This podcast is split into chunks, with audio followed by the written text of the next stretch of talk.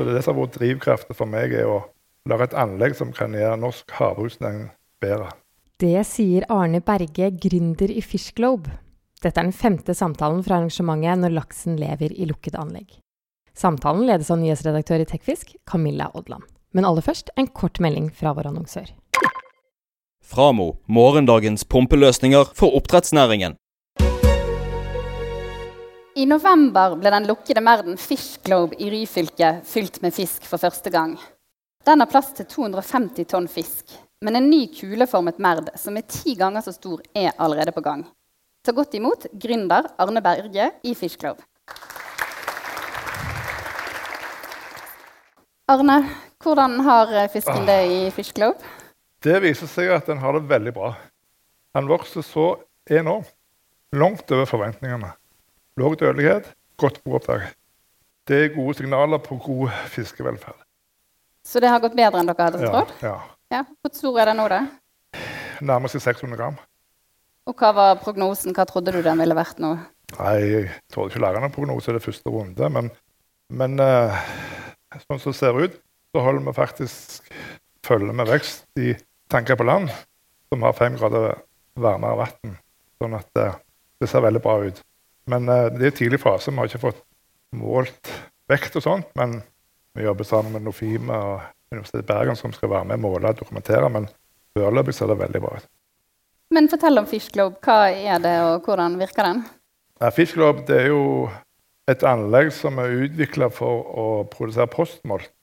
Fordi at det, det har jo vært litt utfordringer med lakselus og andre ting i, i næringen. og Da har det vært viktig for meg at en kan jobbe med løsninger for det. Og da, tenkte jeg at hvis en kan ha fisken lukka fram til ca. 1 kilo som postmolt, så styrker jeg det, det videre veksten i åpne merder. Så det er det som har vært drivkraften for meg, er å lage et anlegg som kan gjøre norsk havbruksnæring bedre. Og fortell om den. Det er en sånn kule, rund merd som ligger ute i sjøen. Hva er teknologien bak? Dette her er jo egentlig et overskuddsprosjekt for meg. Jeg hadde jo alltid jobba i havbruksnæringen, men eh, det begynte egentlig på si. Og da begynte jeg å tenke hva er det som fungerer best i sjø? Det er jo den runde formen. Og så har jeg jo jobba både på land og sjø, og jeg vet jo at eh, tanker på land de, de funker bra. Så jeg har egentlig tatt en tank på land og satt i sjø, og så har jeg gjort den formen så at den fungerer veldig bra, tåler mye bølger og er robust i sjø. Men vil du si at Fish Globe er en eh, lukket merd i sjøen, eller er det semilukket, eller? Det er litt ulike definisjoner på det. Sånn som semilukka eh, Noen vil si at eh, lusekjørt er semilukka.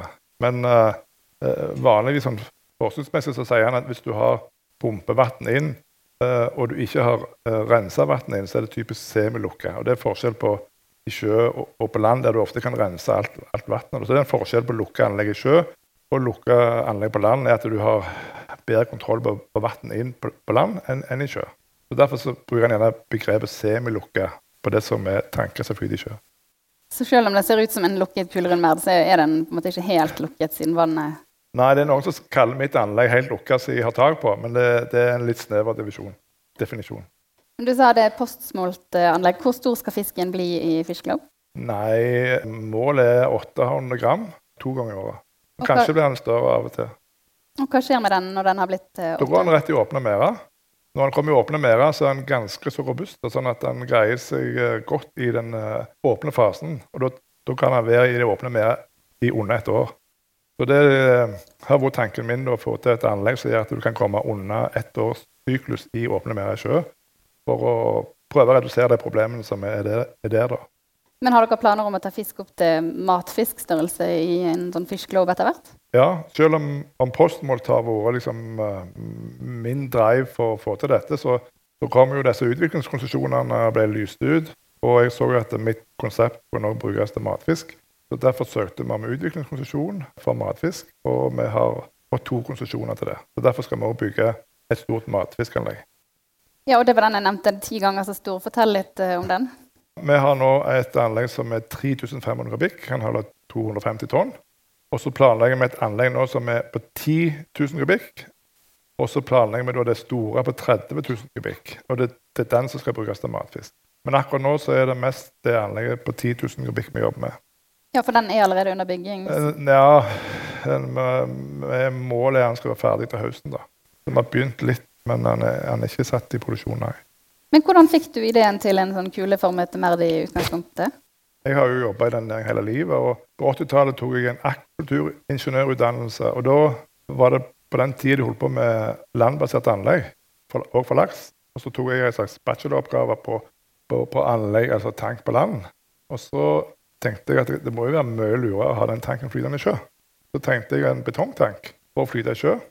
Og så tilfeldigvis viste de det til en av amanuensene mine, så han tente jo på dette. Det er jo kjempegreier. Så jeg endte opp med den største entreprenøren i, i Rogaland, betongentreprenør. Og han, de søkte jo om patent, og Skretting hadde den tekniske avdelingen som ville selge dette her.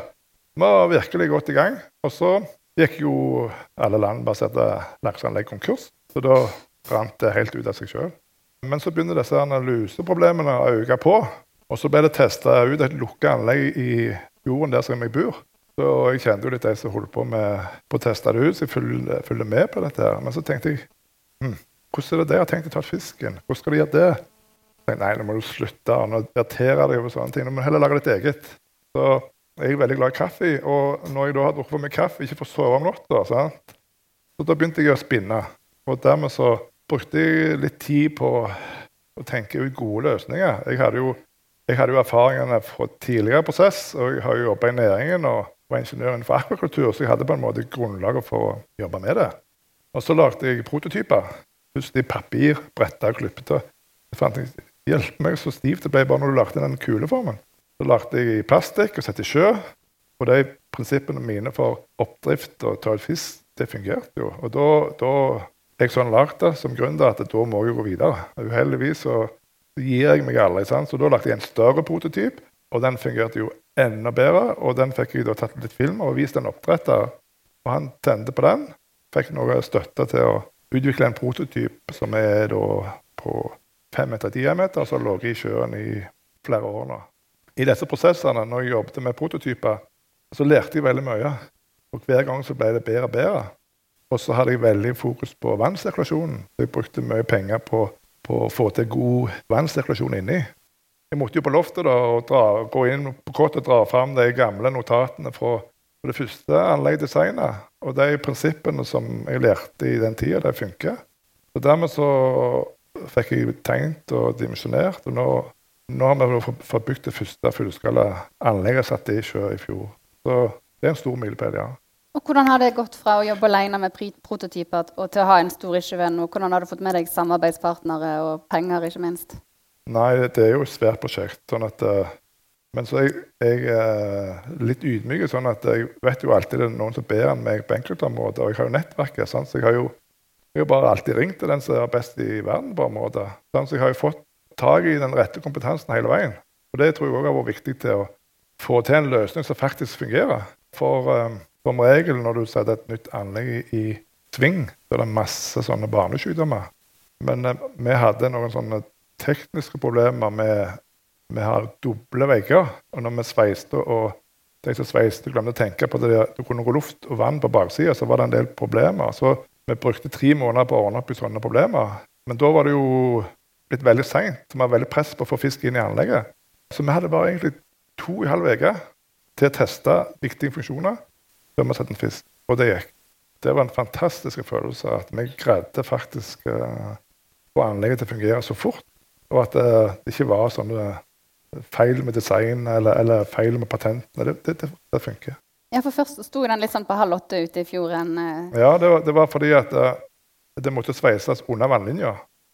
og da måtte vi heve den og legge den skeiv, sånn du kunne komme til å sveise.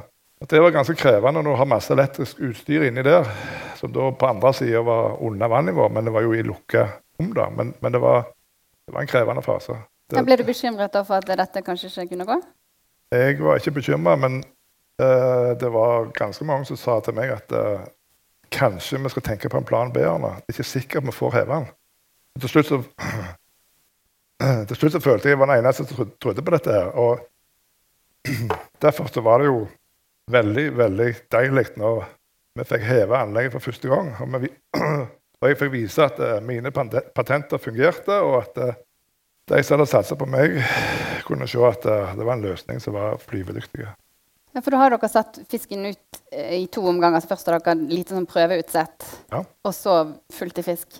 Ja. Eh, fortell om det første gangen når brønnbåten kom. Da tok dere fisken både inn og ut av eh, Ja, globen. ja, for det at, eh, du kan ikke sette inn en full gruppe med fisk eh, før du vet at det fungerer. Og, og det å ta ut fisken er jo det mest krevende. Sant? Altså når du tar ut fisken, når den er stor, og hvis det da feiler noe, så taper du hele det innsettet. Så vi tok inn en liten gruppe.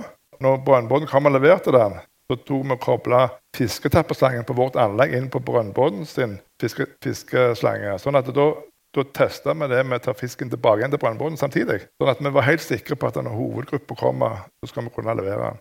Vi har jo et eget patent på det der vi fyller luft inn i globen, så presser vannet fisken ut. Og Da kjørte vi den og fikk fisken ut. Og da var det aller viktigste sjekkpunktet at designet fungerer på plass. Så Da tok vi fisken inn igjen, og så kjørte vi på. Testa alle de andre systemene på nød, oksygen og ja. Og da var det ikke så lenge før vi kunne ta en full gruppe med fisk. Og når du da var kommet så langt og endelig kunne fylle den med fisk eh, ordentlig for første gang, eh, hvordan føltes det? Jo, når du er gründer, så er det ekstremt med motgang i mange år. Og da, sånne dager, så, så husker du det, altså. Det, det er milepæler i mitt liv, for å si det sånn. Ja. Vi har snakket om at dette er jo, det er jo natur og vær og alt rundt. Eh, og f.eks. Akvadommen var jo en eh, litt sånn lignende lukket merd som over kuleformet, eh, og som ble knust etter tre døgn pga. storm. Eh, hva har dere gjort for å hindre at det skjer med Fish Globe? Nei, altså jeg hadde jo innsikt i sånne, sånne ting når jeg holdt på med design. Designet Jeg visste jo om hva som kunne skje. Det, som er ofte et problem med, med sånne lukka anlegg, som flyter, er at du kan få bølger som treffer veggen og så forplanter seg på innsida. Og de indre bølgene eller, eller sloshing kan bli enda større enn de utvendige. Så jeg tok jo hensyn til det mitt design. Sånn at jeg har tekniske rom på innsida som er oppdriftskammer. Og de dekker to tredjedeler av overflaten. Sånn at det er liksom ikke plass til å bygge seg opp indre bølger. Eh, I tillegg så valgte jeg å bruke PE-plast i plassen for glassfiber. Og det er mye mer sånn elastisk. Så det tåler En vanlig PE-rør tåler å bli klemt 30 ned og spredt tilbake til normal form. Så det er et helt annet utgangspunkt for å tåle sånne påkjenninger når en bruker PE-plast. Men det var en del ingeniører som var skeptiske til det at du skulle gå over på plast. eh. Ja, jeg er jo fra Rogaland, og i det området så er det masse ingeniører. Men når jeg kom og sa at jeg skal bygge en sånn en svær globe i PE-plast, så svarte de at det kan vi ikke hjelpe deg med, for det har vi ikke tro på. Du må komme tilbake igjen når du har funnet ut at det eneste som funker, er glassfiber eller stål, eventuelt betong. Men en gründer han tar aldri et nei for et nei. Så han eh, bare fortsetter å jobbe. Til slutt han fant han en, en, en vennlig ingeniør. Han sa det at OK, vi skal gjøre et forsøk, men vi kan ta det oppdraget i to. Vi tar forstudiet først, så tar vi og fullfører beregningene hvis det viser seg det går bra. For han hadde ikke tro på dette, men han sa ikke det. Så gikk det et par uker, så ringte han opp igjen så sier han, du, du har knekt en kode som vi ikke visste fantes. For dette, dette her funker. Så vi kjører videre på del to. Så det gjelder å holde ut, ikke gi opp, og ikke ta et nei for et nei. Men andre uforutsette ting kan jo også skje. Strømstans eller eh, ting du ikke hadde sett for deg. Hvordan jobber dere med sikkerheten? Vi, eh, altså jeg, har, jeg har jo jobba som teknisk sjef på sånne anlegg, så, sånn at jeg vet jo hva det betyr at ting er, funker og er pålitelig. Så vi har lagt dobbelt av alt. Vi har, vi har to tekniske rom og har ett nødstrømsaggregat på hver side. Vi har ett alarmsystem på hver side. Som alt, om strømmen fra land ryker, oksygen fra land ryker, så har vi operative systemer. og Begge to starter samtidig. Om det ene ikke skulle starte, så starter iallfall det andre. Så vi har gått gjennom alle slags risikovurderinger og landa på at eh, dette er solid. Og han, som er driftsleder, han har jo jobba på sånne anlegg hele livet. Og, han trodde det å jobbe på et nytt anlegg var søvnløse netter. Men han sier det at eh, han står bedre nå enn det han jobba før. Vi har forenkla og gjort det sikkert, sånn at eh, det skal være et pålitelig anlegg som er enkelt. Men hvor lenge kan gå hvis strømmen blir brutt, f.eks.? Nei, vi har på et godt døgn, kanskje. Vi har nødstrømsaggregat for det. Vi har eh, oksygentank på land, men hvis den slangen eller tanken går tom, så har vi egen oksygenbatteri om bord. Sånn at eh, vi har tid til å få på plass nye systemer òg, sånn at vi er veldig, veldig robuste. Men hva gjør du hvis det skulle komme sykdom inn i merden der fisken svømmer i et lukket rom? Ja, altså, Når vi ikke har full kontroll på vanninntaket, så kan det skje vi får inn sykdom eller, òg luselarver. Men vi har altså en filosofi at vi skal ha optimal betingelser for fisken. Dvs. Si at vi har to utskiftninger av vannet i, i, timen. Og det er ekstremt mye. Sånn selv om det skulle komme en lus, så vil ikke eh, neste generasjon av luselarver kunne feste seg. Den blir vaska ut. Så, så, vi vil ikke få et luseproblem. Det kan skje at vi får uh, eh, ARD eller andre ting. Og da har vi mulighet for å behandle det der, eller ta det ut i en brønnbåt og behandle det. Så vi skal være rustet til å håndtere sånne ting. Og disse her to utviklingstillatelsene som dere har fått, eh, hva betyr det for dere? Det betyr at vi kan uh, bygge ei, stor mer og gå videre med det, det, prosjektet. Så Det er veldig viktig for å teste ut den store. Og hvor skal den ligge? Målet er å ha den i Lysefjord, nabofjorden. Hvor mye dyrere er det å ha fisken inni en fish sammenlignet med de som har vanlige nøter? Eh, altså, Investeringene er mye større når du har lukka anlegg. Samtidig er det mye billigere enn en investering på land, anlegg på land. Vi er midt imellom. Men vi har jo et anlegg som, som har veldig lang levetid. Sånn at uh, hvis du avskriver dette, så, så er det ikke sikkert det blir så galt til slutt. Men uh, vi er helt i begynnelsen og, og har noen beviser på det området. Så vi tror vel egentlig at uh, dette, sånne anlegg, spesielt hvis du bruker det fram til postmål, kan ha, ha noe å tilby næringen. Ja, for Hvorfor skal egentlig oppdrettere velge å ha fisken i en fish globe istedenfor i en åpen merde eller på land? Det er nettopp det jeg har sagt med å kunne ha en større fisk inn i de åpne merdene. Så Drømmescenarioet mitt er jo at en har en oppdretter har, har ofte pga. det fire soner de, de setter vår på den, høst på den, neste vår. De skifter mellom fire. Så Min drøm er at de har et, et, en lukka fish globe med stort innsett av smolt der. Og så tar en den ut som postmål og fordeler i de merdene på den plassen. Og Da trenger han under et år til å vokse videre der. Samtidig har han hatt lengre brakkeleggingstid. Og Så tar han den globen og så slipper han den til neste innsett, og så er den et halvt år der. Så kan den uh, globen uh, sirkulere mellom, mellom, fire anlegg og, og levere postmålt uh, til de matfiskanleggene.